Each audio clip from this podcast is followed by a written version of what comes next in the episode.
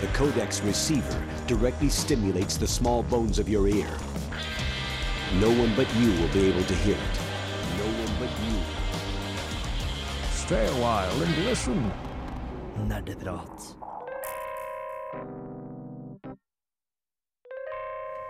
Hallo, hallo, og velkommen til dagens sending av Nerdeprat. I dag så skal vi snakke om character creation og character customization, eller karaktertilpassing på norsk. Veldig tunge ord her, altså. Og med meg i studio i dag, til min venstre, så har jeg Torben! og Kristoffer. og, Renate. og, Til og Steinar! Er jeg aldri litt til venstre for deg? Nei, ikke ja, Eller hvis vi tar en runde Nei, glem det! Unnskyld. det.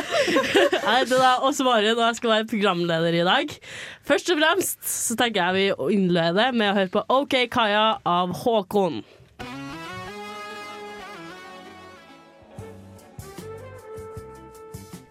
Forskning påviser at ti av ti italienske rørleggere blir tilfredsstilt av nerdeprat på Radio Revolt.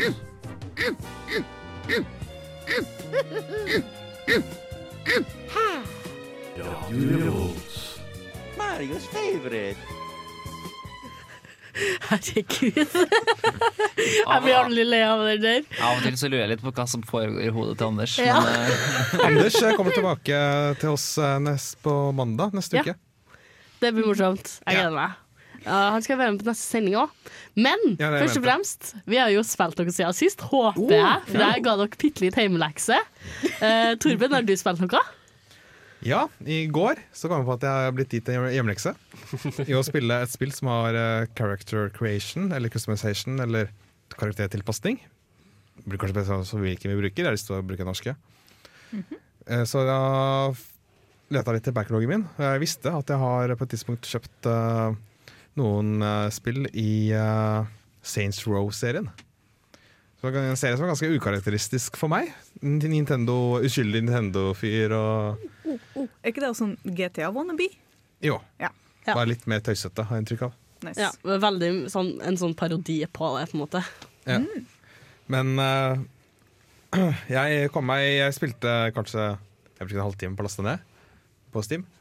Og så brukte jeg en, kanskje en halvtime i spillet. Og jeg ble ikke sånn Jeg hadde ikke lyst til å spille noe særlig videre, egentlig. Ikke? Nei, det var ikke helt min type spill, altså. Det var, det var da Saints Row 3 jeg prøvde. Ja. Og jeg spilte meg forbi character creation, og så litt grann videre. Men var det eh, Altså, men var det noen spesiell grunn til at du ikke likte det? Var det på en måte humoren som slo litt feil, eller var det Ja, det- gameplayet som var litt teit, eller hva var det? på en måte? Jeg har absolutt null sympati for eh, personene jeg, eh, personene jeg har sett å styre. Mm. Og eh, hvis jeg ikke greier å på en måte leve jeg, jeg, jeg følte ikke for å leve inn i den historien, da. Nei. Og også at jeg følte at det, det, du, du dreper liksom masse mennesker og sånt, men uten at det er noen sånn emosjonell tyngde i det. eller noe sånt Det blir på en måte det, det, De ser ut som mennesker, men de er egentlig pappfigurer. Ja. Men det, det, det gir meg litt sånn nugen følelse, så jeg, trives ikke helt med det. Nei, for det skal vi snakke om litt senere i dag òg. Det, liksom, eh, det å karaktertilpasning gjør at du lever deg mer inn i karakteren, kanskje. Men Mm. Chris, har du spilt noe? Uh, ja, Uh, min eneste hjemmelekse har vært uh, faktisk lekser. men jeg har fått spilt litt i går. Eh, eh, og da fikk jeg spilt uh, Super, ny, hva er det? Eh, Super Mario 3D World eh, sammen med Steinar og noen andre. Og Fungerer ikke så bra, fordi at uh, i spillet så kan du uh, bestemme for å bare ikke gjøre noe som helst konstruktivt. Uh, så jeg og Steinar bruker basically bare tida på å plukke opp hverandre og prøve å kaste hverandre utenfor banen hele tida. Ja. Ja, Det var får- litt for gøy, da. Og, så på, altså, ved, slutten av hver level så får den som klarer å samle inn mest mynter, og den som klarer å ha best performance, da får en sånn liten krone. Ikke for å liksom skryte for mye av noen, men jeg fikk, hadde en tendens til å få den. Og da var det en tendens at Steinar etterpå løp etter meg og skulle absolutt ha den hatten, og så klarte han å dø og miste hatten! Ja, fordi Saksopplysning. Du får faktisk bonuspoeng hvis du kommer i mål med den hatten på. Ja, stemmer da. Stemmer da. Men Og eh, du kan stjele den fra andre. It's So fancy! jeg hadde aldri spilt spillet, og for meg så var det morsomste var å plage deg og prøve å ta den forbanna hatten. Så altså, i det spillet, da spiller du som Paper Mario. Eller? Nei, det, du har jo hele vanlige casten. Det er jo Mario, Luigi, uh, Toad. Uh, og så tror jeg du kan få styre Peach. Ja. De, har, de er litt sånn forskjellige i styremåten. Eh, Toad løper ganske kjapt, men hopper ganske lavt. Uh, Luigi klarer å hoppe veldig høyt, f.eks. Og alle har sånne litt sånn små ekstra ting som gjør ting litt lettere. Artig, da. Det er for øvrig første gang på lenge at vi har fått spilt Peach i et, i et main Mario-spill. Og det henta min inspirasjon fra Super Mario Brothers 2, eller Super Mario Bros. Ja. USA, som vi har kjent i ettertid. Fordi det var, oppføreren var forskjellig fra i USA og Japan. Stemmer. Så vi har eh, det, det spillet der jeg spilte selv helt igjennom, og det er et av de vakreste spillene jeg vet om på VU. Det ser helt eh, nydelig ut. 60 FPS hele veien. Så det var en sosial opplevelse. Morgen, det høres ut som noe veldig artig. da. venner etterpå. Men eh, Renate, har du vært like sosial? Nei. Sosialt, hva er det? Um, jeg har vært sosial med fiksjonelle figurer fordi jeg har plukket opp uh, med tanke på hjemmeleksa vår, så har jeg opp Stardew Valley igjen. Da. Ah. Og da har jeg jo fått masse oppdateringer siden sist, blant annet en veldig god funksjon som jeg liker, at du kan skille deg! Åh! Det er så artig å bare runde med hele bygda og bare Du skal vi sammen, du skal vi sammen. Uh, ulempen er jo at du får jo ungene igjen, da. Så hvis du velger det å gifte med fire personer, så får du jo kanskje seks unger til slutt, da. Og så Seriøst? eh, Hvis du vil velge å ha unger med alt, det er jo en ting, da. Eh, men Er det sånn at du kan gå rundt med liksom én unge per eh, person du har gifta deg med? to. Du kan få to, maks to unger. Å, gud. Nei, tre. Så mass production av kids, da. Ja. Hvordan får du arbeidskraft på gården din, liksom? masse, masse Masseproduksjon av unger. Sånn 19 Kids in Counting-opplegg. Spille lærere liksom å ta ansvar. You slut! Here's your, here's your punishment. Altså, jeg bare eksperimenterer, OK? Det er ikke min feil at unger bare popper opp overalt. Nei, men vet du hva, nå tenker jeg vi eh, tar uh, Kill Our Darlings. Hører på Bright Lights. Bright Lights of Slutface.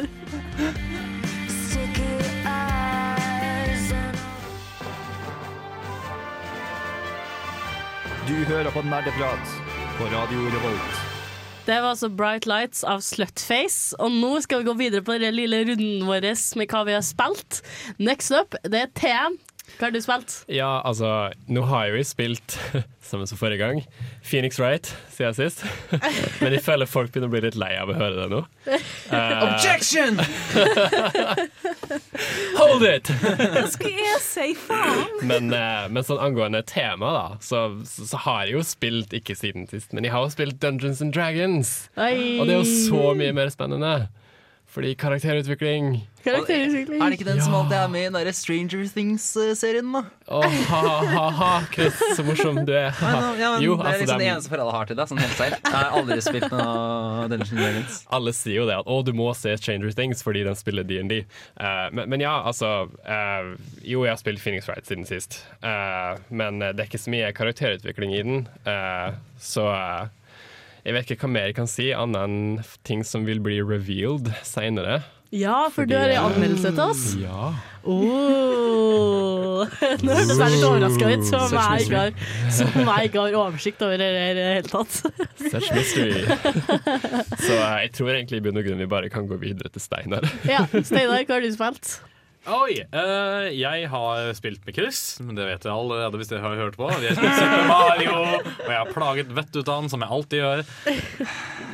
Jeg føler at det blir en sånn greie mellom dere to, at dere spiller spill sammen, og noe skjer. Ja, ja, ja.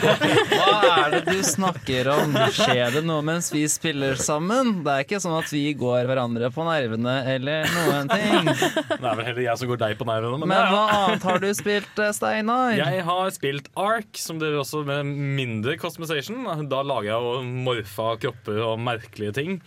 Så jeg lagde sånn demorfert faenskap av et menneske. Og syntes det var dritgøy å løpe rundt med. Men jeg klarte ikke helt å sette meg inn i det. Det er rart, det der. Så jeg tenkte ok, hva er det som er sånn kost, eh, som customization? Hva er det som er karakterutvikling osv.? Hmm, Sims. Så jeg har spilt en del Sims i det siste.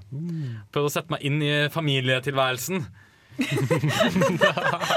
Få kids og hele pakka.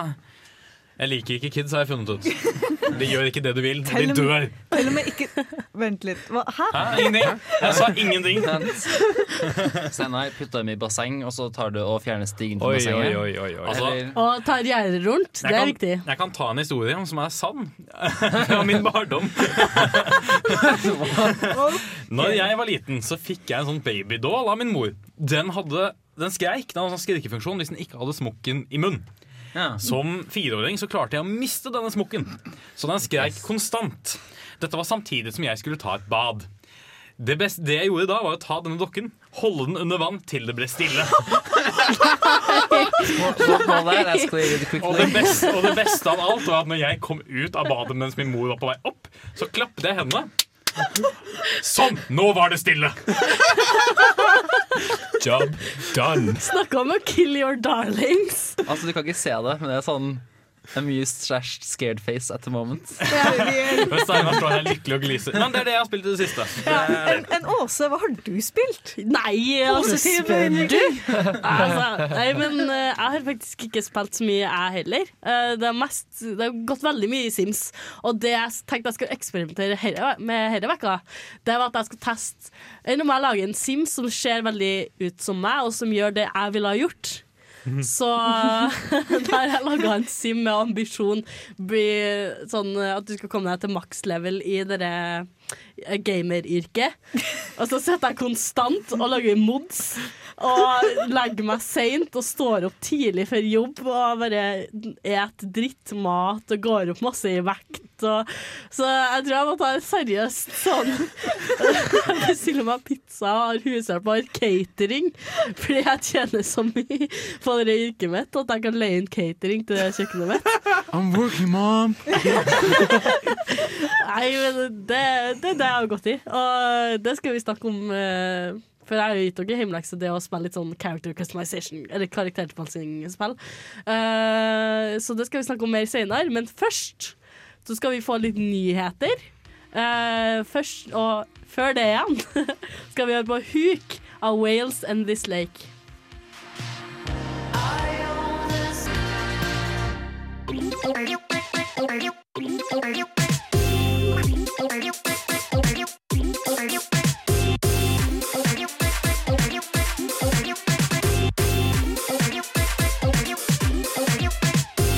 Nerdenytt. Ja, men hva har, egentlig- hva har egentlig skjedd i det siste, lurer jeg på da, Torben? Take it away. I, I det siste så har det skjedd mye som har med VR-headset å gjøre. Oh. Og det har også skjedd litt andre nyheter i løpet av siste uka. Dø, selvfølgelig. Stuff happens. Men jeg tenker at vi eh, starter eh, bare nå før vi eh, deler, deler Hvordan skal jeg formulere det? Jeg tenker vi tar VR-nyhetene først. Ja. Og jeg har dem eh, masse VR-nyheter eh, nå i eh, starten her. Fordi at uh, det har nemlig Jeg husker ikke om jeg tok dette siste uke, men det har vært litt uh, skriverier rundt uh, Oculus. Og eh, Oculus, eh, da spesifikt en av Oculus-grunnleggerne, som visstnok skal ha vært med å finansiere en hatkampanje mot Hillary Clinton. What? Oi. Ja, det fikk jeg It's med meg. always about politics. Yep. Damn it. Og på en måte, det er ikke sånn Ok, Én ting er at man skal holde politikk og sånn Man, man skal kunne være politisk aktiv, liksom. Det, det, og, og ha sånne, sånn type jobb. Men det blir på en måte noe Mange mener at det blir noe annet da når du eh, ikke bare er politisk aktiv og argumenterer for det ene eller det andre, men du faktisk eh, har eh, finansiert en hatgruppe. Så det kommer med liksom hat, hatefulle memes eh, og sånt mot eh, Hillary Clinton. The Oh, no. pay-pace. No, the memes! They're coming! Oh, Og ikke minst så vil jo det bety at hvis du kjøper uh, Oculus-ting og sånt, så går jo det, vil jo det finansiere hans lønn. Som igjen vil bety at du indirekte finansierer denne Ja. Ja. Og det betyr at det er flere spillutviklere som eh, sier at de eh, ikke har lyst til å utvikle for Oculus eh, lenger. Oi. Og det er kanskje ikke de største, men og det er i hvert fall flere som sier at det, kanskje vi ikke skal utvikle eksklusivt for Oculus, men kanskje åpne opp for, for litt flere. This is why we can't have nice things. Yeah. Wow. Ja, men også ærlig talt, når du har en sånn Hei, I'm the CEO of a major corporation, og så tar du og finansierer liksom ei meme-gruppe. Hva, hva er egentlig den hatgruppa? Hva det går ut på? Er det bare memes, liksom? Jeg er ikke helt uh, satt, rukket å sette meg inn i det, men jeg kan Det er eh, memes og rekruttering av andre mennesker som også kan skrive om negative ting og faktaopplysninger. Derfor granske etter negative ting da, og legge ut. Men Ah. fyren sjøl, han uh, sier at uh, Så det er ikke bare memes, det er litt verre enn som så, ja. Ja.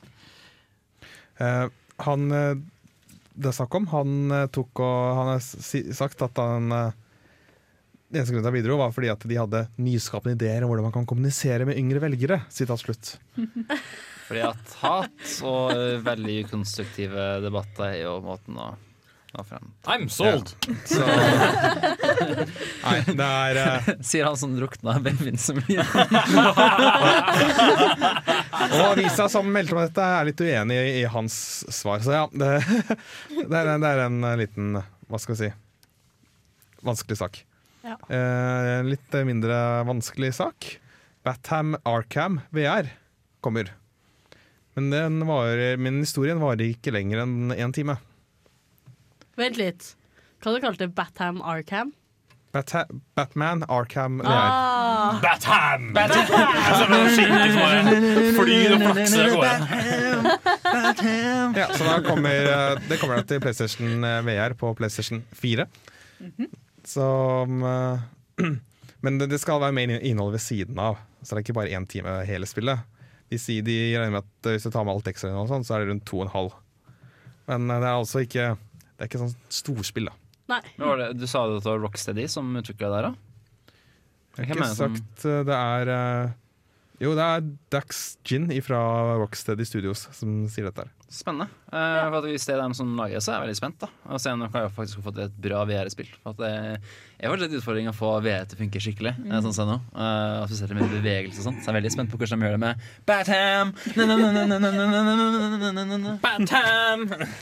Batham Arkman. Ja, det er godt at det er noe å mobbe meg for også. Det er vennskapelig mobbing, da.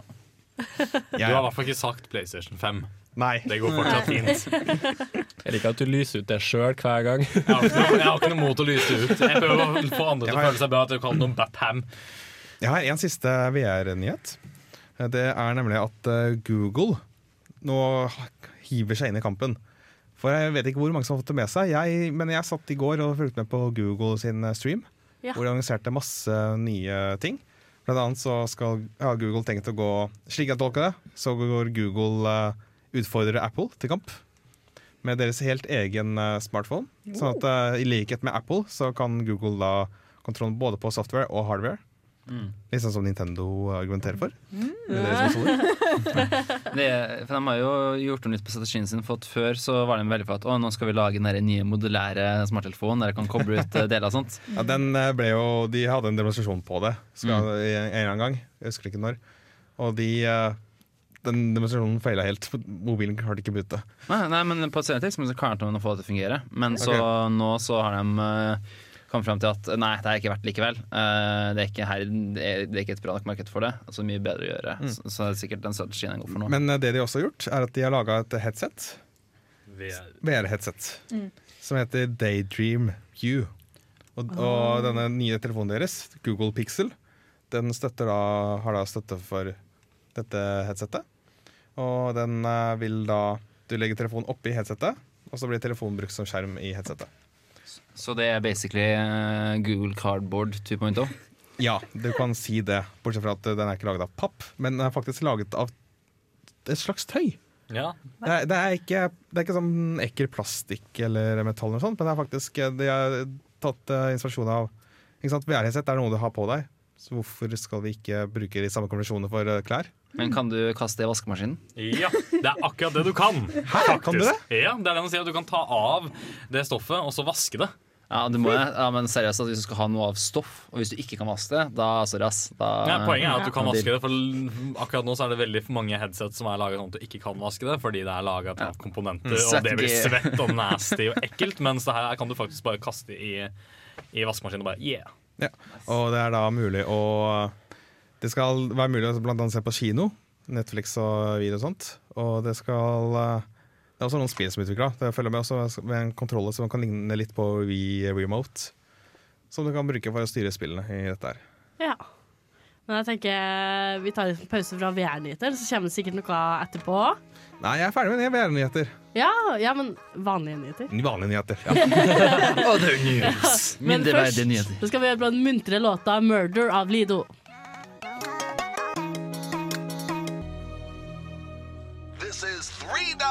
Ow! And you're listening to Galaxy News Radio, bringing you the truth, no matter how bad it hurts.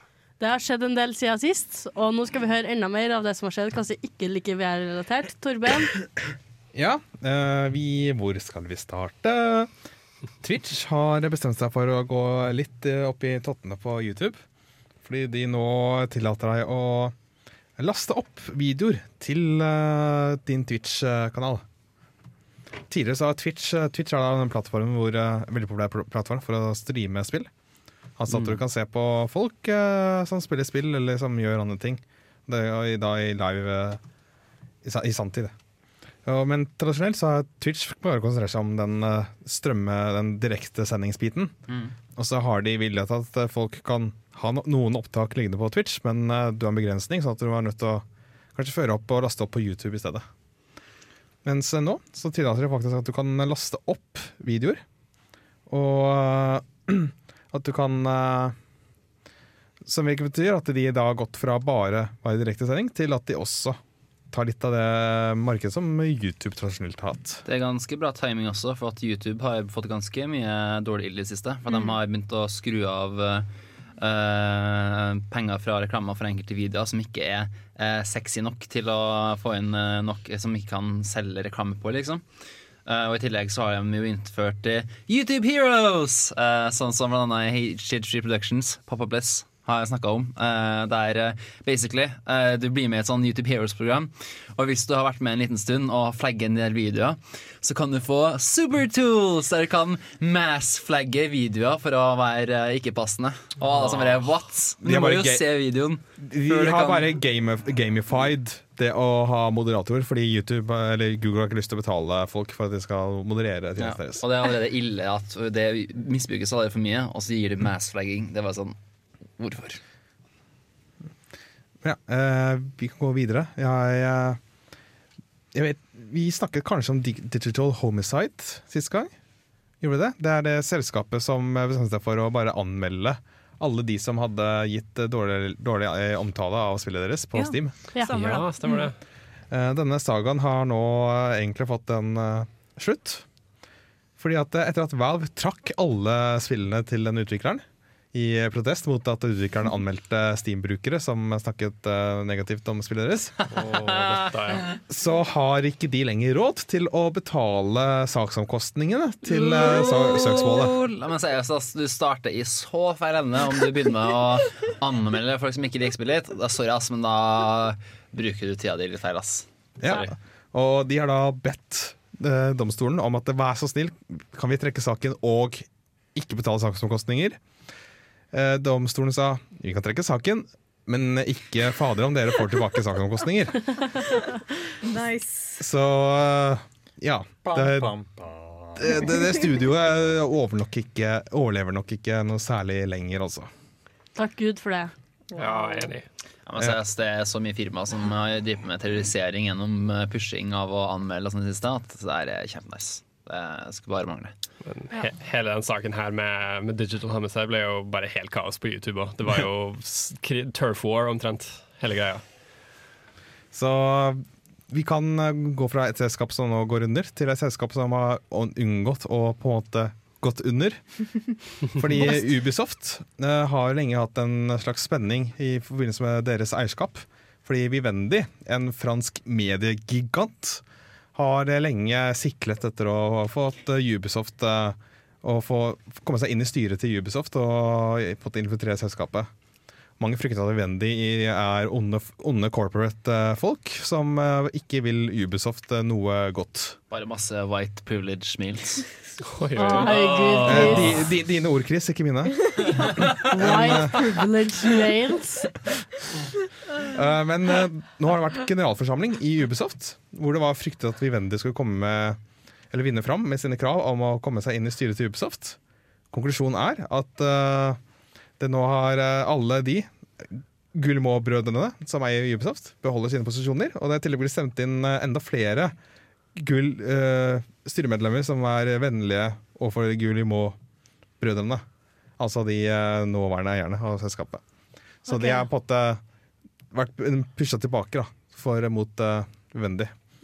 Og Ubisoft hadde, hadde også en stor aksjon eh, før uh, generalforsamlingen, hvor de prøvde å bare få så mange som mulig til å kjøpe aksjer av de som eh, Sånn at ikke Vivendi kunne sitte med majoriteten, Mm. men sitte i ikke ha nok folk til å stemme for. Det er litt drama der, altså. Ja, Sånt liker vi. Ubisoft er fortsatt ikke fornøyd. Da. De vil gjerne ha Vivendi ut, som eh, at ikke Vivendi skal eie noen aksjer. Ja. Avslutningsvis så har vi to nyheter som har med Funcom å gjøre. Oh, spennende. Eh, bare sånn liten diskremmer. Vi, er, eh, vi har eh, tidligere nerdeprater, Jens Erik Våler, jobber nå i Funcom. Og han, eh, vi har jo fremdeles kontakt med han, og sånn, men han kan hvis, hvis du stoler på mine ord, så det får du selv avgjøre, men jeg kan si at Jens Erik Våler kommuniserer ikke noen ting om Funcom til oss. Vi får vite kun det som kommer ut fram i andre medier. Eller er det det vi får betalt for å si? Nei da. Ja, ikke sant? Så ta, Å, Men, eh, I disclosure, wish. Jens Erik som har vært med før uh, i Nerdeprat, uh, jobber for Funcom. Uh, det, that's what you need to know. ja, så kan du selv gjøre en vurdering på hva vi sier. Men uh, Funcom har lagt ned Lego Minifigures online. De har rett og slett ikke fornyet avtalen med Lego. Det er egentlig ganske u udramatisk for dem selv. Ja. Lego har vært veldig, sånn, spesielt på spillsida, så har de ofte vært veldig eksperimentell, som har prøvd ut veldig mange ting opp gjennom åra. Eh, Så jeg tror de bare har på en måte probet litt og sett at nei, det er ikke Ja, ifølge artikkelen her til Pressfire så er det Funcom som ikke har fornyet lisensavtalen med Lego. Ja. Ja. I enda i bedre nyheter, kanskje, så har Funcom annonsert at de skal ha et nytt spill ute til halloween. Nemlig Hide and Shriek. Å, det blir gøy! Å, det blir gøy! Det er et spill hvor begge spillerne er usynlige, og de skal skremme hverandre. Ja. no. Ved å legge, fra, å legge Oh, no. ut uh, feller Steinar, og gi meg et stygt blikk akkurat nå. Det er Oh, verdens no. største glis. Jeg tenker Det får vi høre mye mer om når det nærmer seg. Så gleder jeg meg veldig til, til å høre hvordan det går mellom dere dere spiller. Men jeg tenker først og fremst så kan vi ta oss en liten pause, puste litt, før vi får ukas spørsmål, som eh, kommer til å knirke og knake litt, håper jeg. Vi skal høre 'Restate Your Mind' av Marinius. Når innså du at du var en gamer? Dersom du kunne spilt kun et spill i et år Hva er det eldste spillet i backloggen din? og du var på en øde øye i helvete mens du var 11 år gammel, Hva har du lært fra spill som du har fått nyte av i hverdagen? Er det et spill som har hjulpet deg gjennom en tung periode av ditt liv? Hva er ukas spørsmål? Ja, hva er egentlig ukas spørsmål? det var det minst, det var minst forventa introen noensinne. Fordi denne vekka så har jeg fortsatt i Tor Torben sin tradisjon med å ha litt sånn artige dilemmas. oh. Og inspirert det, er, av det er jo i tradisjonell studentorganisasjonsstil så er det en tradisjon etter å ha skjedd to ganger. Ja. Nå er det en tradisjon. Vi må nesten lage en, et ukas dilemma-jingle. For denne vekka så tenker jeg at da skal vi ta et lite sånn Et lite sånn uh, Veldig inspirert av det du hadde forrige vekka. Ok? Det- For Siste uke så var det om du ville spille singleplay-spill, eller, eller spille, spille andre, spille spill bare for deg selv resten av eh, livet. Ja. Så denne uka så tenkte jeg Hm, enn om vi spør dem Har dere lyst til å kun spille spill som, Eller har dere lyst til å, at alle spillene dere spiller skal ha eh, karaktertilpassing Eller at ingen av dem skal ha det Damn it. oh. OK, vent, da, så jeg bare for, forstått det riktig. Um, så at alle spillerne har karaktertilpassing, eller ingen? Ja, alle spillene dere spiller Men, men, men Til og med Super Mario, liksom. Ja, til og med Super Mario Selda? Ja Ja. Ja. Fordi jeg er så glad i å lage Ja. Ja. Ja. Og et, et vilkår da Det er at hvis det er karaktertilpassing I for eksempel et Zelda-spill Så kan du ikke spille som den Zeldaen sånn, sånn i den formen som vi kjenner til nå At du må Så det liksom må- bryte det. Så Ja. Du prinsesse må Zelda, karaktertilpasse. prinsesse Selda kan være en white privileged male. Ja, for eksempel. Eller at Link kan være ei dame, eller at Link kan være eh, 50 år gammel, eller, eller noe sånt. da Interessant. Yeah. Jeg har et spørsmål til. til spørsmålet. Er det sånn at jeg aldri har sett Mario før? At det har alltid vært siden tidenes morgen konsumisation i alle mine spill? Ja. Ja, da vil jeg ha customization i alle spill, for da har jeg ikke brydd meg uansett. Tror du ikke det? Nei, for da hadde jeg ikke visst hvordan Zelda så ut, så da kunne jeg like så godt ha customization meg selv, egentlig. Ja, ja, men Steinar, tenk hvis, hvis Zelda var jente. Å gud. Ikke. Badumt. Ai. Oh no! Jeg ga deg sånn Nei, silent jeg kill-blikk. Men uansett, jeg hadde ikke, men igjen det er jo en ting jeg ikke hadde visst hvis jeg hadde hatt det fra tidenes morgen. Og da kunne jeg like så godt ha lagd dem sjøl. Det hadde ikke vært så farlig. Det er sant. Det er sant. Uh, jeg tenker liksom så at eh, det å lage Hva skal jeg si tiltrekkende Ikke tiltrekkende på den måten, men at det er sånn på en måte figurer som uh, du liker, da. Det, det er jo en egen jobb, karakterdesigner. Å lage kule figurer og sånt som passer inn i historien. sånt. Ja, nettopp. Og at uh, den jobben plutselig skal gå på meg. Jeg tror, jeg tror ikke den, det, det, det hegner seg så altfor godt, altså. På en måte at jeg er nødt til å designe Du kan jo lage sinnssykt mange teite figurer i uh, disse spillene hvor du kan lage dine egne figurer. Som ser helt uh, Trynet ser helt ødelagt ut, for eksempel. Og, men jeg liker veldig godt den kunstneriske innbytten du får fra utviklerne. At de eksempel kan lage et design på uh, Link som på en måte har At han er litt sånn elf-type Eller alv, på en måte. Er litt inspirasjon derfra og sånt. Det, det, det er den typen kunstneriske ting som ikke jeg hadde kommet på. I hvert fall, tenker jeg, når jeg designer. Så jeg, jeg, jeg, jeg har lyst til å se designet til utviklerne. Jeg tror du kan si en del om figuren og sånt også, så jeg har egentlig ikke lyst til å ta den jobben. Um, jeg tenker også at uh, by the way, hvis vi skal spille Legend of Zelda, så har vi spilt Link, og han er jo gutt uansett, så er ikke ikke i diskusjon. Vi kan gjøre den hva vi hva som vil. Whatever. Men jeg tror det også har noe med at jeg merker sjøl veldig mye når jeg spiller jo eksempel Skyrim. Jeg bruker jo 40 timer på å lage denne karakteren og gjøre det så perfekt som jeg skal ha den mulig. Men jeg ser den jo aldri. Det er jo alltid first person liksom, view. Jeg ser det fra oss. Ja, nå håret det bare det. og så bare går hun rundt og dreper sånne ting. Åssen ser karakteren min ut igjen? Jeg bare zoomer ut. Å ja, han ser sånn ut. Kult! Og så fortsetter vi. Tar du ikke sånn tusenvis av dramatisk screenshot der du står på klippa og ser ned i solutgangen? Nei, solutgangen. Da er fra, Solnedgangen. Å gud, nå får jeg sånn flashback fra World of Warcraft der jeg skulle ta sånn kule gruppefotoer med folk i gjengen min, folk i Gildemet. Men igjen, vi ser jo bare bakover på dem, så Men still, jeg tror det hadde vært veldig artig. Nei, det hadde vært for kjedelig igjen. Åh, det har jeg. Jeg tror det er et godt dilemma også, Maren. Ja. Det var veldig sånn, for dere, står og tenker nå, og det knaker litt, hører jeg. Nei. Eh, det eneste som gjør at jeg ikke holder på å si, tar og tenker så mye over det, er fordi at hvis jeg ikke vet hvordan en, noen, en spillkarakter noen gang ever har sett ut, og jeg har fått muligheten til å lage den selv, så har jeg ikke noe å savne. Da, kan, da har jeg ikke noe Jeg savner ikke en mannlig link som ser ut som en alv. Jeg savner ikke det, for jeg aner ikke at det er sånn det var ment å lages. Da kan jeg Så heller lage det selv. du hadde valgt å bare hatt karaktertilpassing? Ja, for jeg, jeg setter pris på de spillene som har karaktertilpassing. eh, og jeg setter pris på de spillene som ikke har det også. Det er ikke det. Men hvis jeg allikevel ikke aner hvordan de var ment å se ut, så kan jeg jo lage det selv. Det er. Uh, altså, jeg tenker jo, Hadde det vært opp til meg, så hadde jeg kommet til å tatt livet av meg sjøl hvis det var karakter, altså, sånn karakterutvikling i alle Hva kalte du det igjen? Karakter... Tilpassing. Tilpassing i alle spill, fordi jeg bruker så mye tid på det her. Jeg har spilt masse MMOs. eh, og jeg klarer ikke å stoppe og fortsette og fortsette og fortsette. Og så, nei, jeg er ikke fornøyd. Nå, nå må jeg gjøre det på nytt igjen. Og så går det en uke.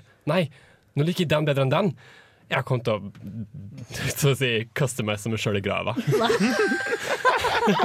Altså uh, I know. Uh, jeg føler liksom at Problemet med customer characterization er at uh, ofte så er iallfall ikke jeg så flink til å customize mine egne karakterer.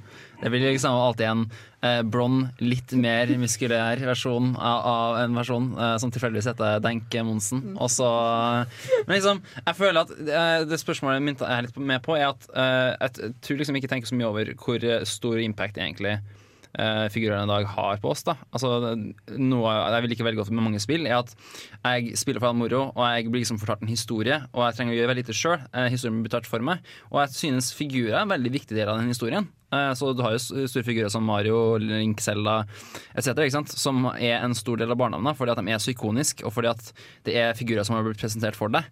Eh, Så eh, jeg synes på en måte Zelda hadde jo blitt noe helt annet om eh, eh, du hadde gjort det til eh, en historie om white privilege males som redder hverandre fra slott og sånt. I nå. Eh, jeg føler bare at eh, symbolikk Jeg føler at um, veldig mange figurer er veldig symbolsk, og de representerer ganske mye. Eh, så jeg syns det vært synd å miste det. da Ja, det, er, det ser jeg. Det er den ene minusen med hele min tanke. er rett og slett det der ikoniske. At det er noe jeg kjenner meg igjen i alle spill. Det er den nostalgifølelsen. At å, det er den karakteren igjen. Men på en annen måte, hvis jeg ikke hadde visst hvordan han hadde sett ut, så hadde det ikke vært så farlig for min del. Hvis jeg aldri kunne valgt uansett. Nei. Men eh, det var et vanskelig dilemma, da. Det fikk jeg inntrykk av. Det var litt sånn Hva har jeg egentlig gjort? For det, du har, på en side så har du det at du vil at spillene har en visjon, sant? På andre side så er det sånn den friheten du får. Men eh, dette skal vi jo gå litt nærmere inn i senere i sendinga. Men først og fremst så har jo Steinar valgt et mobilspill som vi skal høre litt om etter å ha hørt Fire av Surfalot.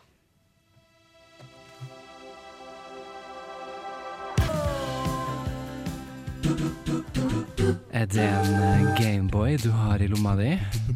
Nei, det er lommedusk! Ja, for nå har Steinar nemlig spilt et spill som heter så mye som Plague Inc. har jeg spilt nå nylig. Eh, det er ikke et veldig nytt spill, overhodet ikke, men jeg tar det opp som mobilspill også. For det har vært på PC lenge, og det har vært veldig populært på PC. Eh, men jeg syns det fungerer like så godt på mobil. Eh, det du gjør, da Du spiller som Eller du, du skal skape et virus, en smittefarlig sykdom, som skal ta over verden og ta livet av alle sammen. Det er gameplanen. Og du gjør det ved å velge hva slags type smittefare det skal være. Skal det være soppspore? Skal det være virus? Skal det være eh, forkjølelse?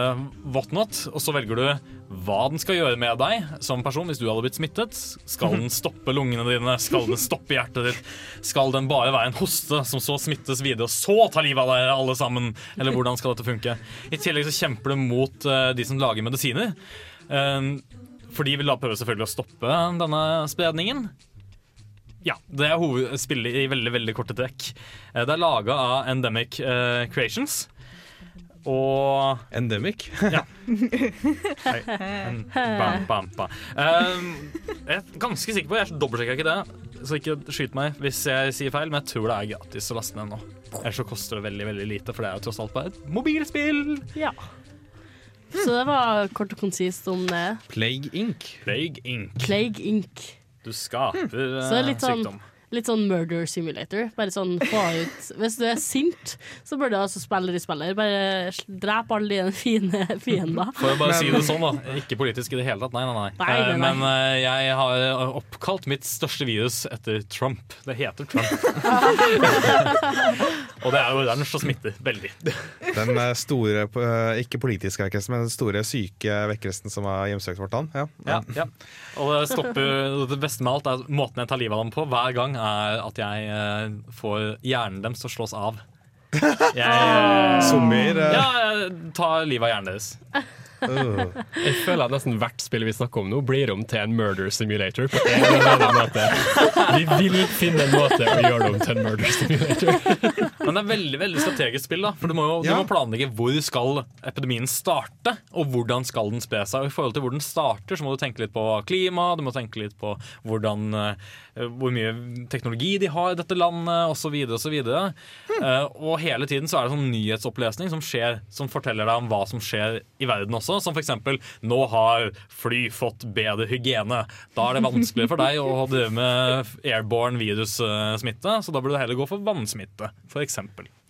Hvilke andre strategiske avgjørelser er du nødt til å ta? Har du designer jo viruset. Har det en, må du på en måte designe smart virus? eh? På en måte, du må, Det viktigste er hvordan å få smittet fortest mulig, mest okay. mulig, uten å bli oppdaga av eh, de som holdt på å si doktorer og leger som forsker på det. Så jeg, personlig strategi da, er at jeg lager den minst mulig farlig for personene i begynnelsen, som f.eks. jeg bare går for at det hoster, det er ikke noe mer enn en hoste, og det er luftsmitte, eh, og det sprer seg fort, osv. Og så, når jeg har smittet mange nok, og jeg ser at de begynner å legge merke til det, da tar jeg livet av hele jævla befolkningen. Ja. Så det var litt om, eh, det var litt om Plague Inc., altså Murder Simulator. oh, jeg må bare, jeg må bare vette, er, det her, er dassverdien på det? her? Er det verdt å sette på dospill her? Da sitter du veldig lenge på. dass. Ah, Dette er litt, ja. dette er litt det er, Hver bane i hermetegn tar gjerne litt lengre tid enn Ja. du sitter på dass. Ja. Så da vil jeg heller gå til min forrige anmeldelse av Badlands. Jeg merker jeg ble litt redd nå, for jeg har hatt hoste i lengre tid nå. Det er sikkert bare Oi. Nei, men uh, vi skal høre mer om spill som uh, vi har lyst til å spille, eller forhåpentligvis får lyst til å spille etterpå. For nå skal nemlig Nå skal vi høre Blood of Mia Samfa, etterfulgt av Tor Magnus sin anmeldelse av det er skrevet som PWAA. Phoenix Wright, Ace Attorney. Yes!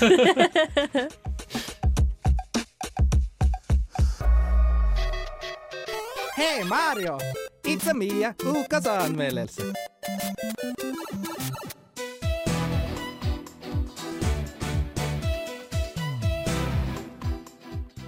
Phoenix Wright har kommet langt siden han begynte sin karriere, og han er nok en gang tilbake for å vise oss hvordan man på best mulig måte kan bullshitte seg gjennom rettssaker, samtidig som man opptrer profesjonelt.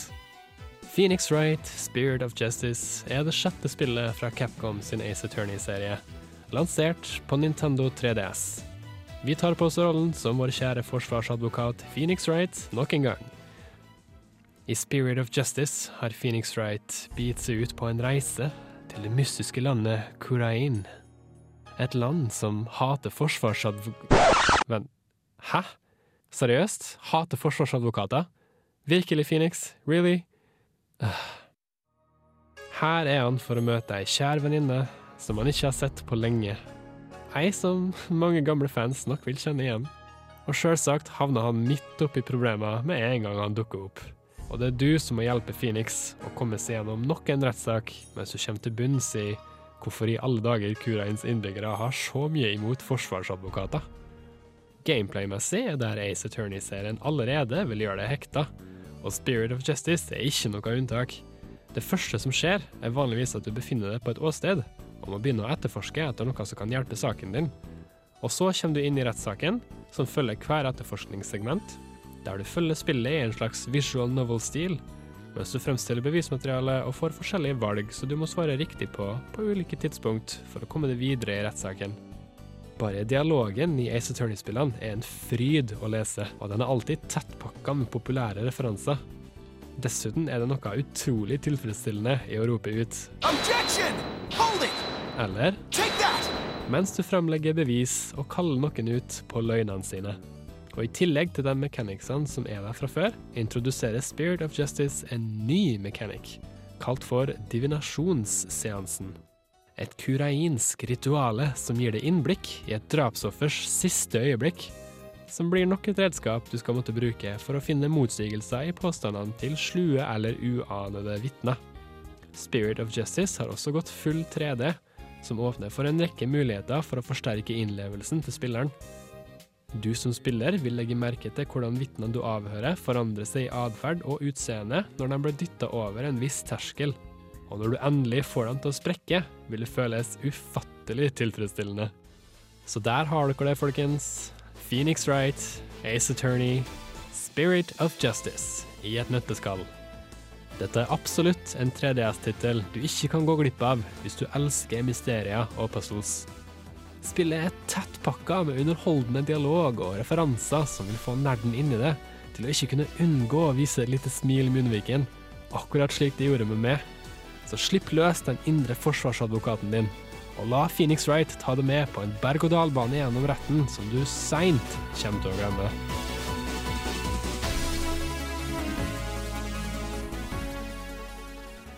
Ja, det var Tor Magnus' anmeldelse av uh, PWA, eller Phoenix Wright Ace Attorney Spirit of Justice. Naila jeg det nå? Flink, flink. Du er kjempeflink. Også. Yeah! Nei, men uh, jeg tenkte sånn Innledningsvis så hørte vi jo litt av musikken. Og du snakket så mye om det. Jeg har hørt at musikken i Phoenix Wright er ganske bra. Ja. Eh, kan du fortelle litt om den? Altså- I, i, i Nerdprat så er vi jo veldig store fans av god spillmusikk.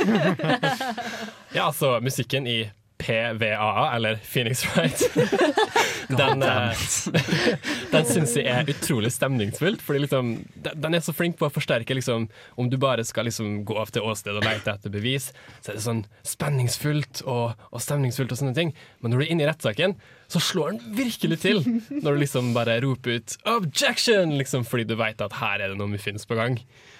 Og Det er også en annen ting som er liksom, bra med musikken i Phoenix Wright. Når du kommer til et liksom, critical, liksom, critical statement eller noe spesielt som skjer, så er det veldig sånn dramatisk sånn undermusikk som skjer sånn Og du bare Faen, hva har jeg gjort nå? Hva er så gærent? Hva i helvete?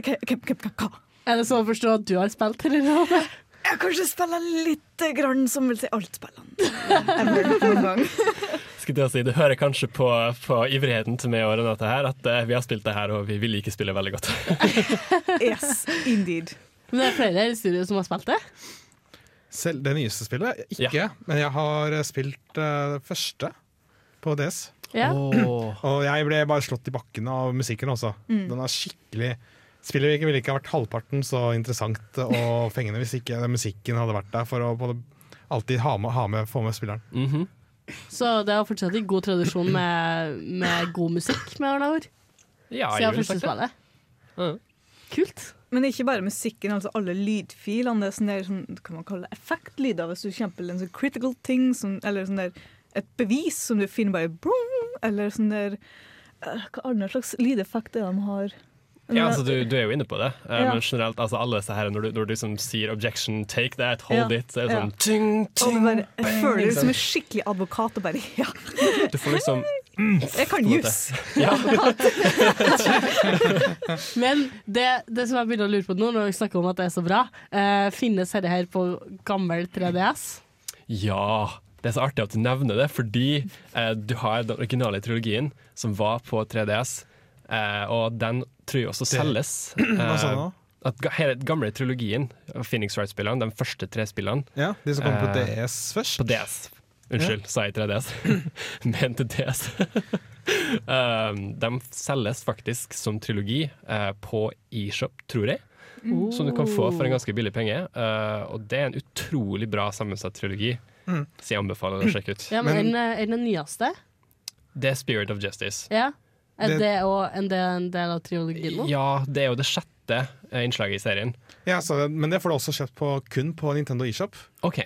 Stemmer ikke det? Uh, jo, det stemmer okay. helt klart. Fordi at det blir ikke Capcom må ta seg ekstra godt betalt. Eller Nei, det er litt ekstra risiko å ha physical, en fysisk Ja, det er eh, det. release. Stemmer da. Så den er ting kun tilgjengelig digitalt. Oh. Men jeg tror nok ikke Jeg tror ikke den er tre, ny til det eksklusiv, altså. Det ville vært eh, økonomisk eh, selvmord. Ja. Ja. Håper det. Fordi jeg og Tor Magnus satt i sofaen i stad utenfor studio, og da, sammen, da sammenligna jeg størrelsen på døra. Sånn. For jeg er jo en vanlig hvit, gammel 3DS, mens han er liksom en svær en. Og size does not matter, it's how you use it. Det kommer helt an på hva vi snakker om. Eller hvilken prosessor den kommer med. Så akkurat nå så sa du at du ikke kan bruke den. Hæ? What? OK, nei, nei, nei. Hvor mye koster det spillet? Uh, jeg tror jeg kjøpte det for rundt 300 eller noe sånt. Ja, jeg det tror det er 300. 350? For den var jo kjøpt av nytt, da, men det er sånn stort etterspurt spill. Altså. Det er jo Mm. Ja. litt dyrt, men det blir jo ja, det er standard alltid- 3DS-pris. ikke? Ja. Ja. Ja, selvfølgelig. Det er litt billigere enn uh, Triple A PS4 Games. Ja. Så jeg tenker jeg fikk, jeg fikk jævlig lyst til å spille spillet nå, faktisk. Mm. Jeg sitter litt i bakgrunnen og tenkte sånn «Ah, Jeg burde ha prøvd det, men eh, jeg skal vir virkelig sjekke det ut. Jeg håper jeg du som hører på, gjør det òg. Nå skal vi høre Off the City av Young Dreams.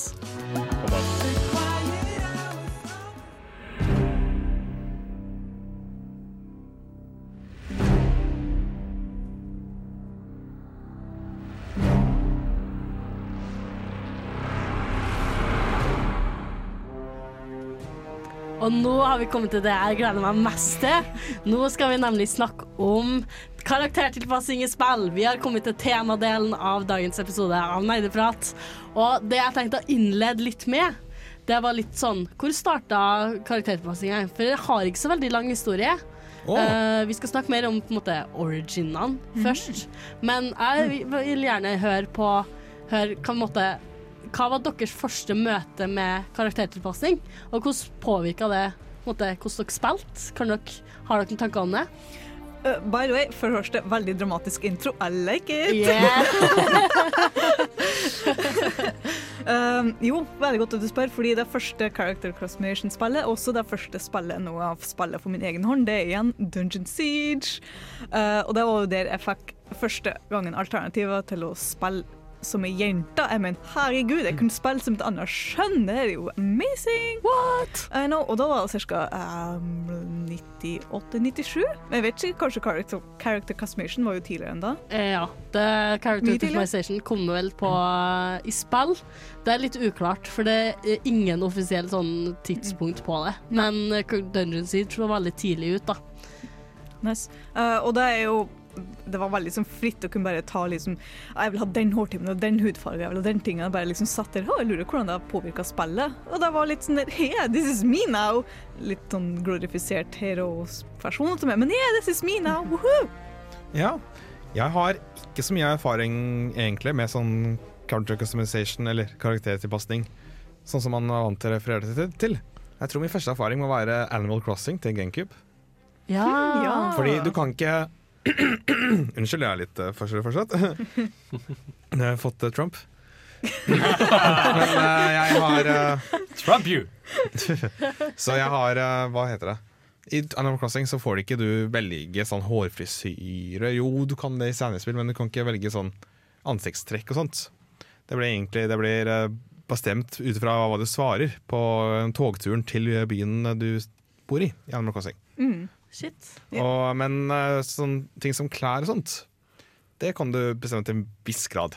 For du kan bestemme selv hva slags uh, genser eh, du skal ha på deg. Og jeg tror nyere spillene også kan du bestemme litt, har litt mer frihet. da. Du kan ha f.eks. Blomst, en blomst i håret. Du kan også gå til frisøren og på customize figuren din veldig mye.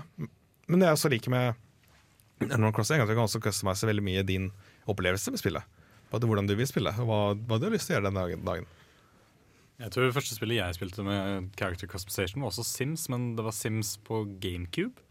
For jeg hadde ikke PC selv før jeg var ganske gammel. Jeg lånte min fars, og det var ikke så ofte jeg ville laste ned spill på den. Men hva- Unnskyld at jeg dirigerer, men har Sims vært på GameCube? Ja, ja. Det var et forferdelig dårlig spill. Ekstremt dårlig. Eh, men det var liksom første gang jeg kom borti det, og så tror jeg faktisk jeg tok såpass lang tid før jeg kom tilbake til character customization til Minecraft-tid. Da skins med en greie. Oi. Det så såpass lang tid mellom Det var et ganske stort første hopp. møtet ja. og Ja. Fordi jeg spilte hovedsakelig Nintendo-greier, for det var det jeg fikk. holdt på å si, Det var det jeg ønska meg. Og så i slutten av barneskolen kom min første PlayStation. Og så var PC-interessen ute etter det òg, at jeg begynte å bygge PC og begynte å spille PC-spill også. Og Ja. Nintendo var jo hovedsakelig ferdiglagde karakterer. Så det var liksom de spillene som var min inngang i character customization. Da. Uh, for min del må det vel enten være For jeg husker egentlig ikke her, skjønner du. Jeg tenker litt på det, Men jeg tror det er Guild Wars som var på PC for veldig veldig lenge siden. Ja. Uh, for det gikk Altså, jeg, jeg falt veldig for den MMO-sjangeren, da. Så det gikk veldig mye der. Uh, ellers så har jeg også et minne av at vi spilte SSX3 eh, Tre? Tre? Can I English, please? Uh, SSX3, der du kan liksom rette på klærne dine og, sånn, og sånne ting. da. Uh, men jeg, tror Guild Wars, ja. For det var sånn rundt 2000 og Å gud, ja. Er. Excuse me while I, while I google. Ja. 2000 og Ja, fordi husker WoW, World of Warcraft og Guild Wars kommer til ca. samme tid, og de slåss veldig mye om det. Fordi jeg var 2006-ish? Ja, ca. Ja, 2005-2006. Ja, 2005-2006. Mm. Ja. Kult.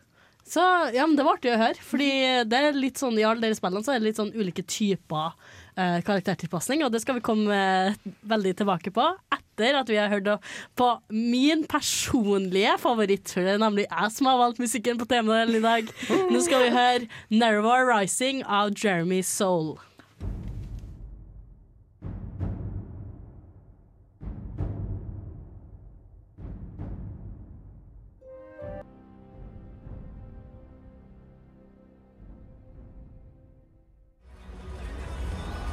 Du lytter til Nerdeprat fra Radio Revolt. You're listening to Nerd Talk from Radio Revolt. Narrow Rising er kanskje en av de få eksemplene på soundtracks som har spoila hele spillet. Hvis du hører godt etter på Hvis du har spilt litt av introen og hører på Nerva Rising, så skjønner, så skjønner du faktisk hva slutten er. Eh, Spoiler alert. Spoiler alert. Men dette er et spill fra hva det var? 2002, 2003, 2004. Så jeg har ikke så dårlig samvittighet. Men nå skal vi gå over på, over på litt ulike typer av eh, karaktertilpasning. For det er litt sånn Å, faen. Nå lukka jeg tauen. Panikk! Ja, men eh, det Jeg kan ta det fra hodet, da. Kontroll shift T. Control I mellomtida så har jeg på meg Zelda-sokker i dag. Eh, de er veldig fine, og de tar jeg på meg når jeg er redd for dagens utvalg. Oh, takk, Torben. Hva slags sokker sokke sa du at det var? Eh, Legend of Zelda-sokker. Det er Ah. superheltsokkene mine. De har jeg på meg hver onsdag før jeg skal på sending. Oh, Jævla nerd. Det er sånn good luck. Gross. Ja. Nei da.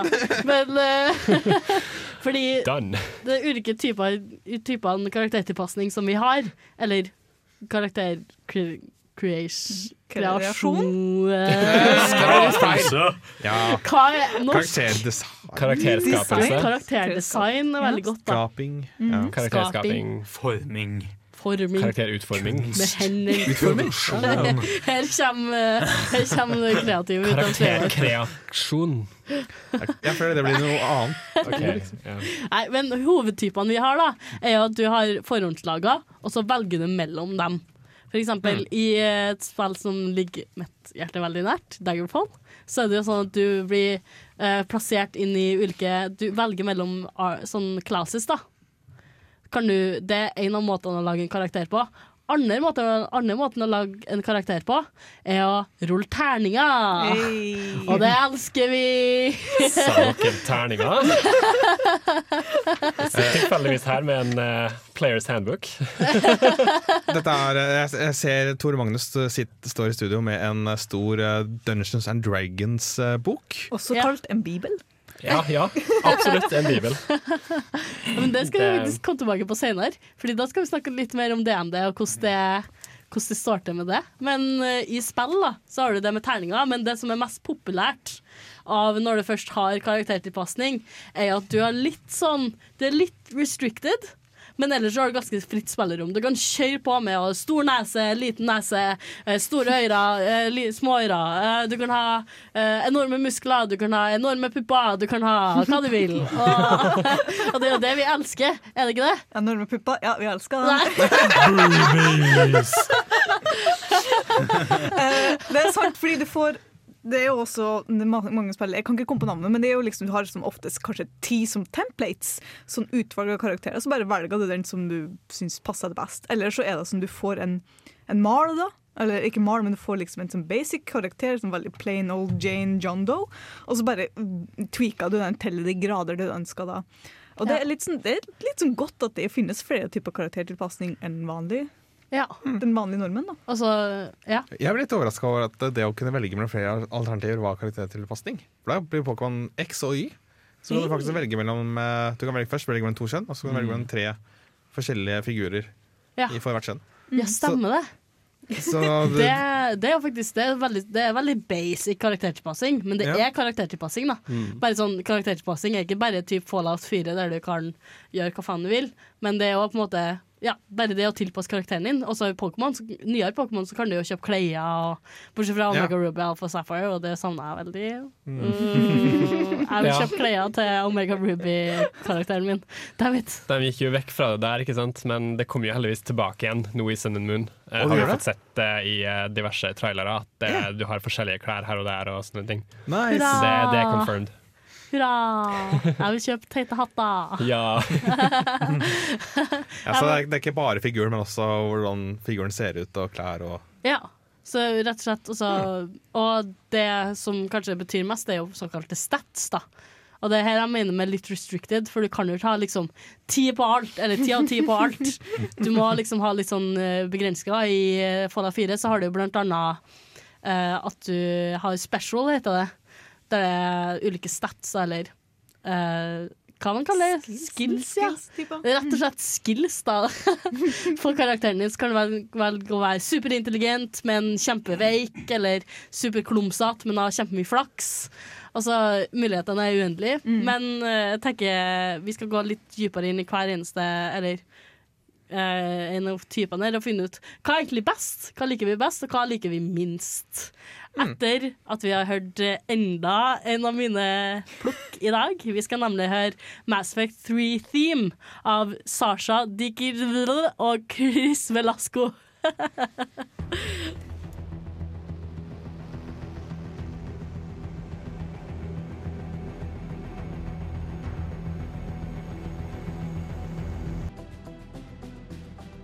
I'm Commander Shepard, and this is my favorite podcast on the Citadel. Seff er det det, Shepard. Og nå skal vi snakke mer om karaktertilpasning. Vi gikk litt inn på ulike typer karaktertilpasning. Men hva er det egentlig som vi syns er mest effektivt, og hva er the ups and downs of hver eneste en? Jeg kan jo ta en liten sånn eh, walkthrough av hvordan hver eneste en. Altså, vi har det forhåndslaget at du velger mellom ulike forhåndslaga typer. Og så har du eh, terninger, altså terningrulling, som vi skal litt tilbake på. eh, og så har du litt, eh, litt inna, Eller så har du fritt, fritt spillerom innenfor visse grenser, da. Mm. Og hva er deres tanker om på, hva, måte, hva liker dere å se i spill, og hva liker dere ikke å se i spill? Ja, øh, når jeg tenker faktisk på det, altså når du snakker om liksom customization i Fallout, liksom skills og sånne ting Når jeg lager en karakter, så bare sånn her Å ja, jeg må kanskje velge hva slags emner og liksom verdier denne karakteren har. Men jeg har bare fokusert så jævlig mye på hvordan den pen denne karakteren skal så ut. Så jeg er sånn der Ah, shit, ass, det var det, ja. Ah, OK, bare setter sånn random skills points og sånne ting, da.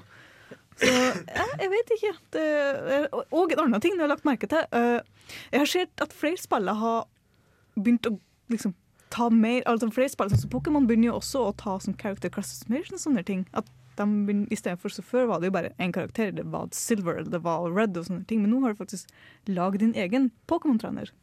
Ja, for du går inn på noe veldig viktig, det med å på en måte, definere verdiene til karakteren. For det er ikke bare selve karaktertilpassinga, det er jo det du gjør utenfor det, og det er på en måte skape bakgrunnen og Mm. altså, I Fallout 4 så har du for eksempel at du har en forhåndsbestemt rolle som en kvinne eller en mann i, eh, som er gift og har barn og bor i et som bor i suburbia og har det Mm. fint og gøyalt og artig. Uh, mens i andre spill så er det mer sånn for eksempel Skyrim, da. Da kan du velge at ja, Uh, det er jo lagga for at du skal kunne gjøre hva som helst før du f.eks. havna på det skipet eller ble uh, havna i fengsel. da Kan du velge helt hva som var grunnen til at du havna der. Mm. Men alt starter på det samme punktet, og så kan man gjøre hva faen man vil. Så hva er egentlig best av de to, syns dere, fra et spilldesignmessig standpunkt? Om hun får lov å skyte inn igjen, da, da vil jeg si at, at jo mer fritt du gjør det, jo bedre er det for fantasi og meg som spiller. da. Men det er ikke alltid at det fungerer. Eksempel ta uh, Skyrim igjen. da. Der er det jo at du er Dragonborn, en Nordic Skyrim-helt som skal liksom redde Skyrim, rebelate it. By the way, you're a lizard. Og det er sånn uh, okay. Jo, jo, du kan jo velge bort å ikke være en Angorian, som det heter, sånn lizardfolk, eller sånn øglefolket, da. Men det er sånn der, du, jeg syns av og til at character customization går på bekostning av entusiasiteten i spillet, da. Mm. Av og til, kan jeg si. Ja, jeg har ikke spilt Xenoblade Chronicles, men jeg har sett på eh, Sugar Conroy på YouTube spille gjennom det. Og det er sånn at du kan eh, velge ganske fritt hva de skal ha på seg. Du kan blant annet ha dem i badetøy. Eh, Ganske avslørende badetøy også. Ja, men han valgte spesifikt å ikke ha det så altfor mye, fordi at da ryker fort mye av innlevelsen i den kuttscenen begynner, og de figurene står der i badetøy eh, eh, mens de har dramatiske eh, scener. Og Noen dør, og så står du der og gråter i badetøy. Ja, det er, For det, det, det, er litt, det er litt det aspektet også. Mm. Så jeg skjønner godt hva du mener, Renate. Mm, nettopp. Sorry. Nei, jeg, jeg, bare, jeg så også for meg sånn her stor megascene når du slåss på det. Mye gade du har på den fine mankinien eller bak bikinien og sånne ting. Og da kommer jeg til Ja, mankini. Um, så, men tilbake til det med at igjen, jo, fritt, jo mer fritt det er, jo bedre, vil jeg større påstå. Ja. Er det noen som er uenig? Nei, Jeg er litt glad i når det er holdt på å si, Jeg har fått et utvalg personer. Jeg velger den personen som minner mest om meg. Den er blond, den er høy, whatnot.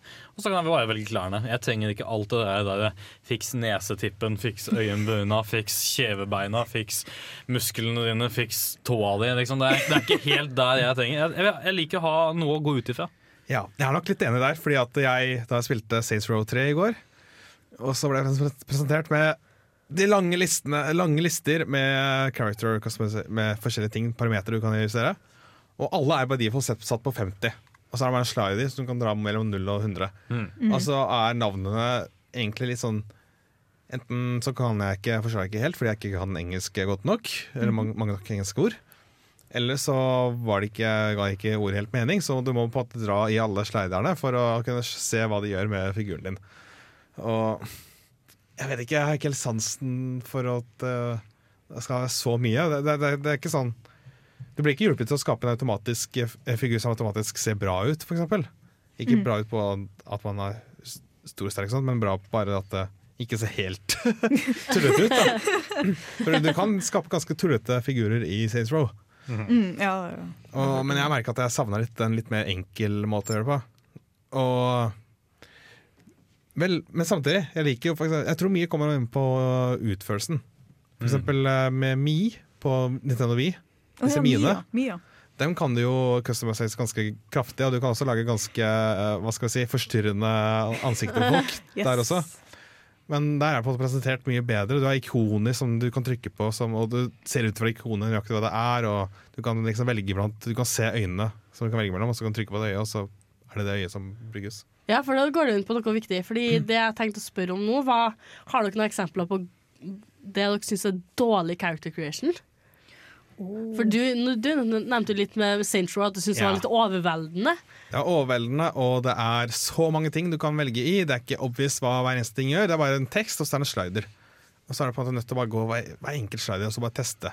Eh, dra den til venstre og høyre bare ekstremt for å se de ekstreme ytterpunktene, og så se hvordan det ender seg på figuren som står ved siden av. Eh, Jeg har et eksempel på Ark, der det er holdt på å si Det er så dårlig at det er bra. Fordi det er helt forferdelig. Eh, Det du gjør, er egentlig bare tull.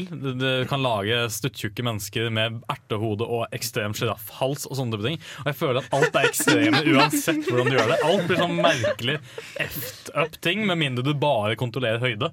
Og da er det dritmorsomt. Ja, jeg er inne på det samme her, egentlig. Fordi jeg spilte Ion en stund tilbake, eh, og der er liksom lagt veldig mye fokus på at du kan se så nydelig ut som mulig, og det er jo det de reklamerer for i plakatene og sånn.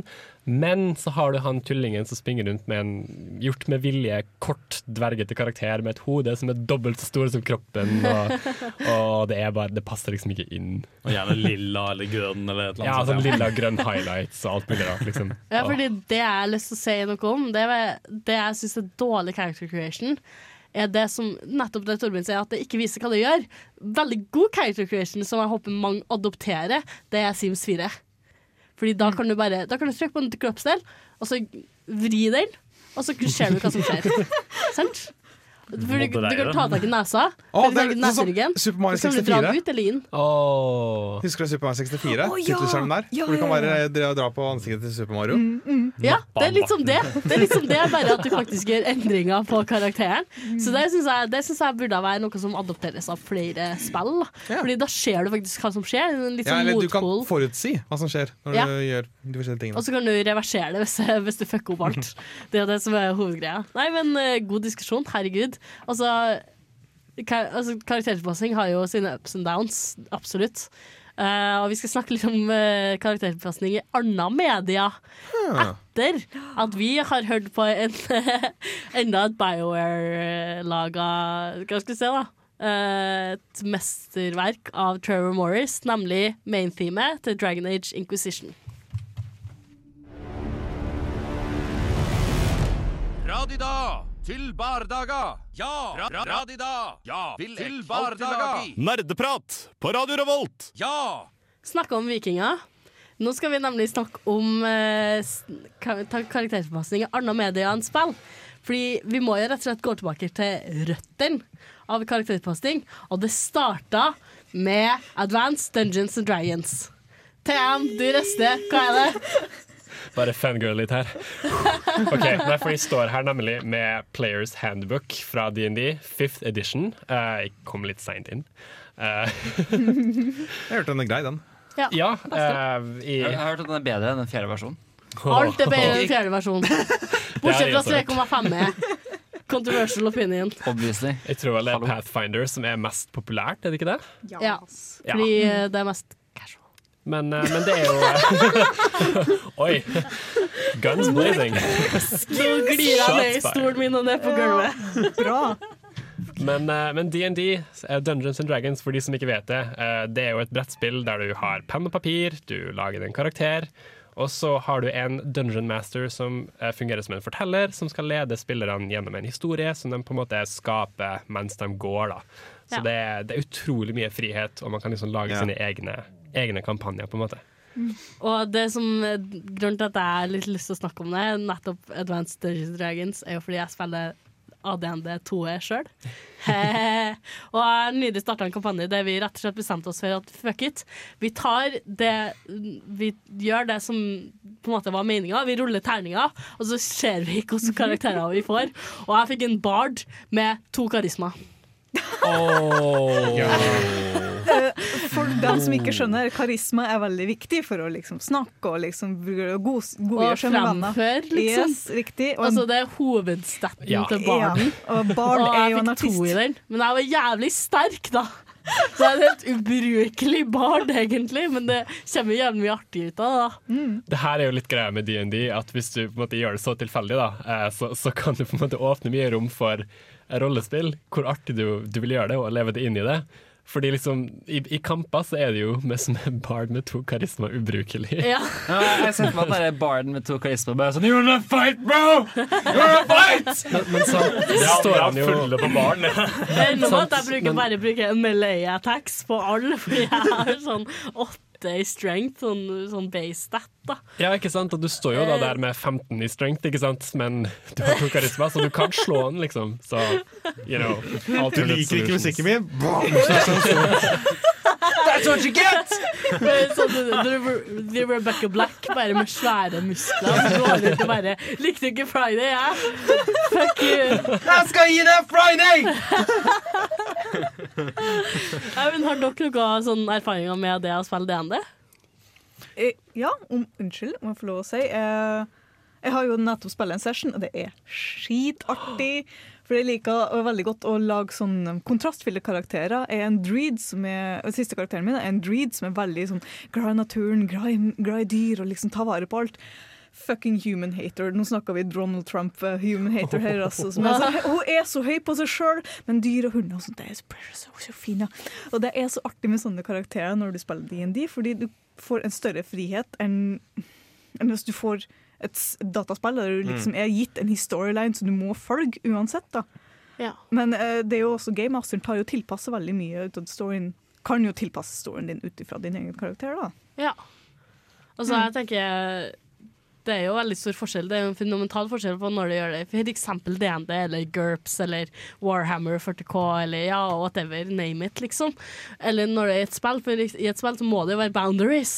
Det må være det, ellers så bare ellers så, Dataspill, riktignok. Ja, så må det være boundaries. Mens i for eksempel i sånne tabletop-RPG-er, så er det fritt frem. Da kan du gjøre hva faen du vil.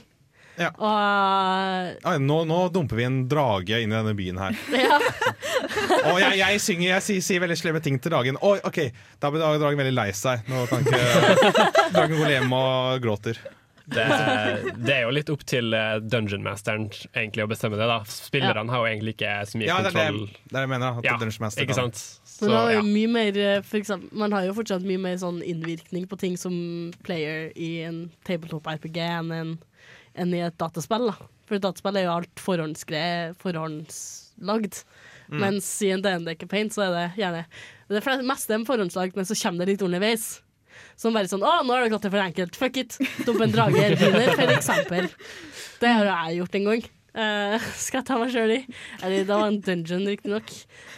Uh, ja, og så også en annen ting med at når du spiller jo sånn her tabletop, og det, det overlater du veldig mye til din egen fantasi. da.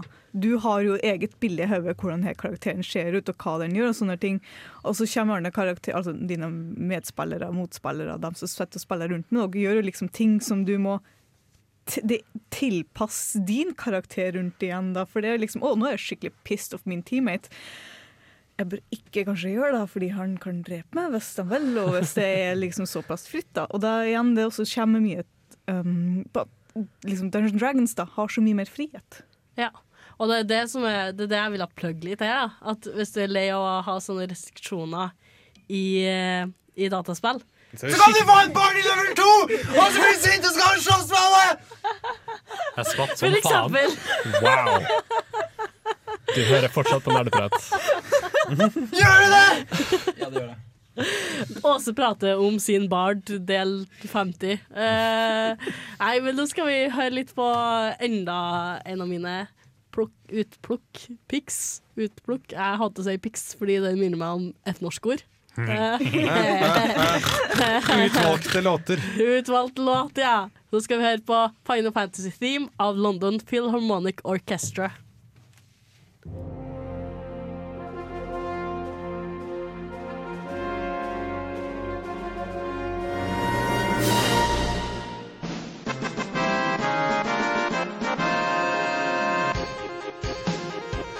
Dere har kanskje, lagt merke til at jeg har plukka ut noen jingles som er veldig appropriate for uh, låta som uh, den følger etter. Uh, men nå har jeg tenkt, i pausen nå så har vi hatt en liten diskusjon om hvilken class i DND vi kjenner oss igjen i.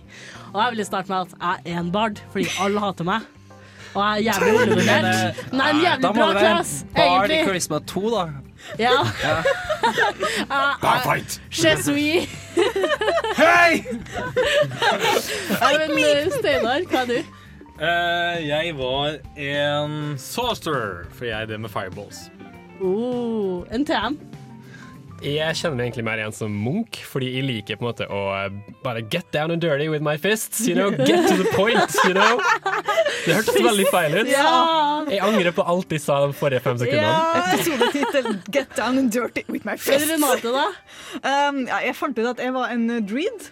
Ja. Fordi jeg er glad i naturen, og jeg er glad i hunder, og jeg elsker dyr. Ja. Chris? Apparently så gjør jeg mye skade. Rogue. Rogue. Å ja, jeg er rogue. Gå- Godt å sneak fast. Torben, han er vår trofaste Cleric. Cleric ja. Han inspirerer oss alle og er skikkelig flink og er backbone i gruppa vår. Gir oss liv, og med det så tror jeg vi er nødt til å gi oss. Her var en veldig hyggelig sending. Håper vi ses igjen neste uke. Ha det bra!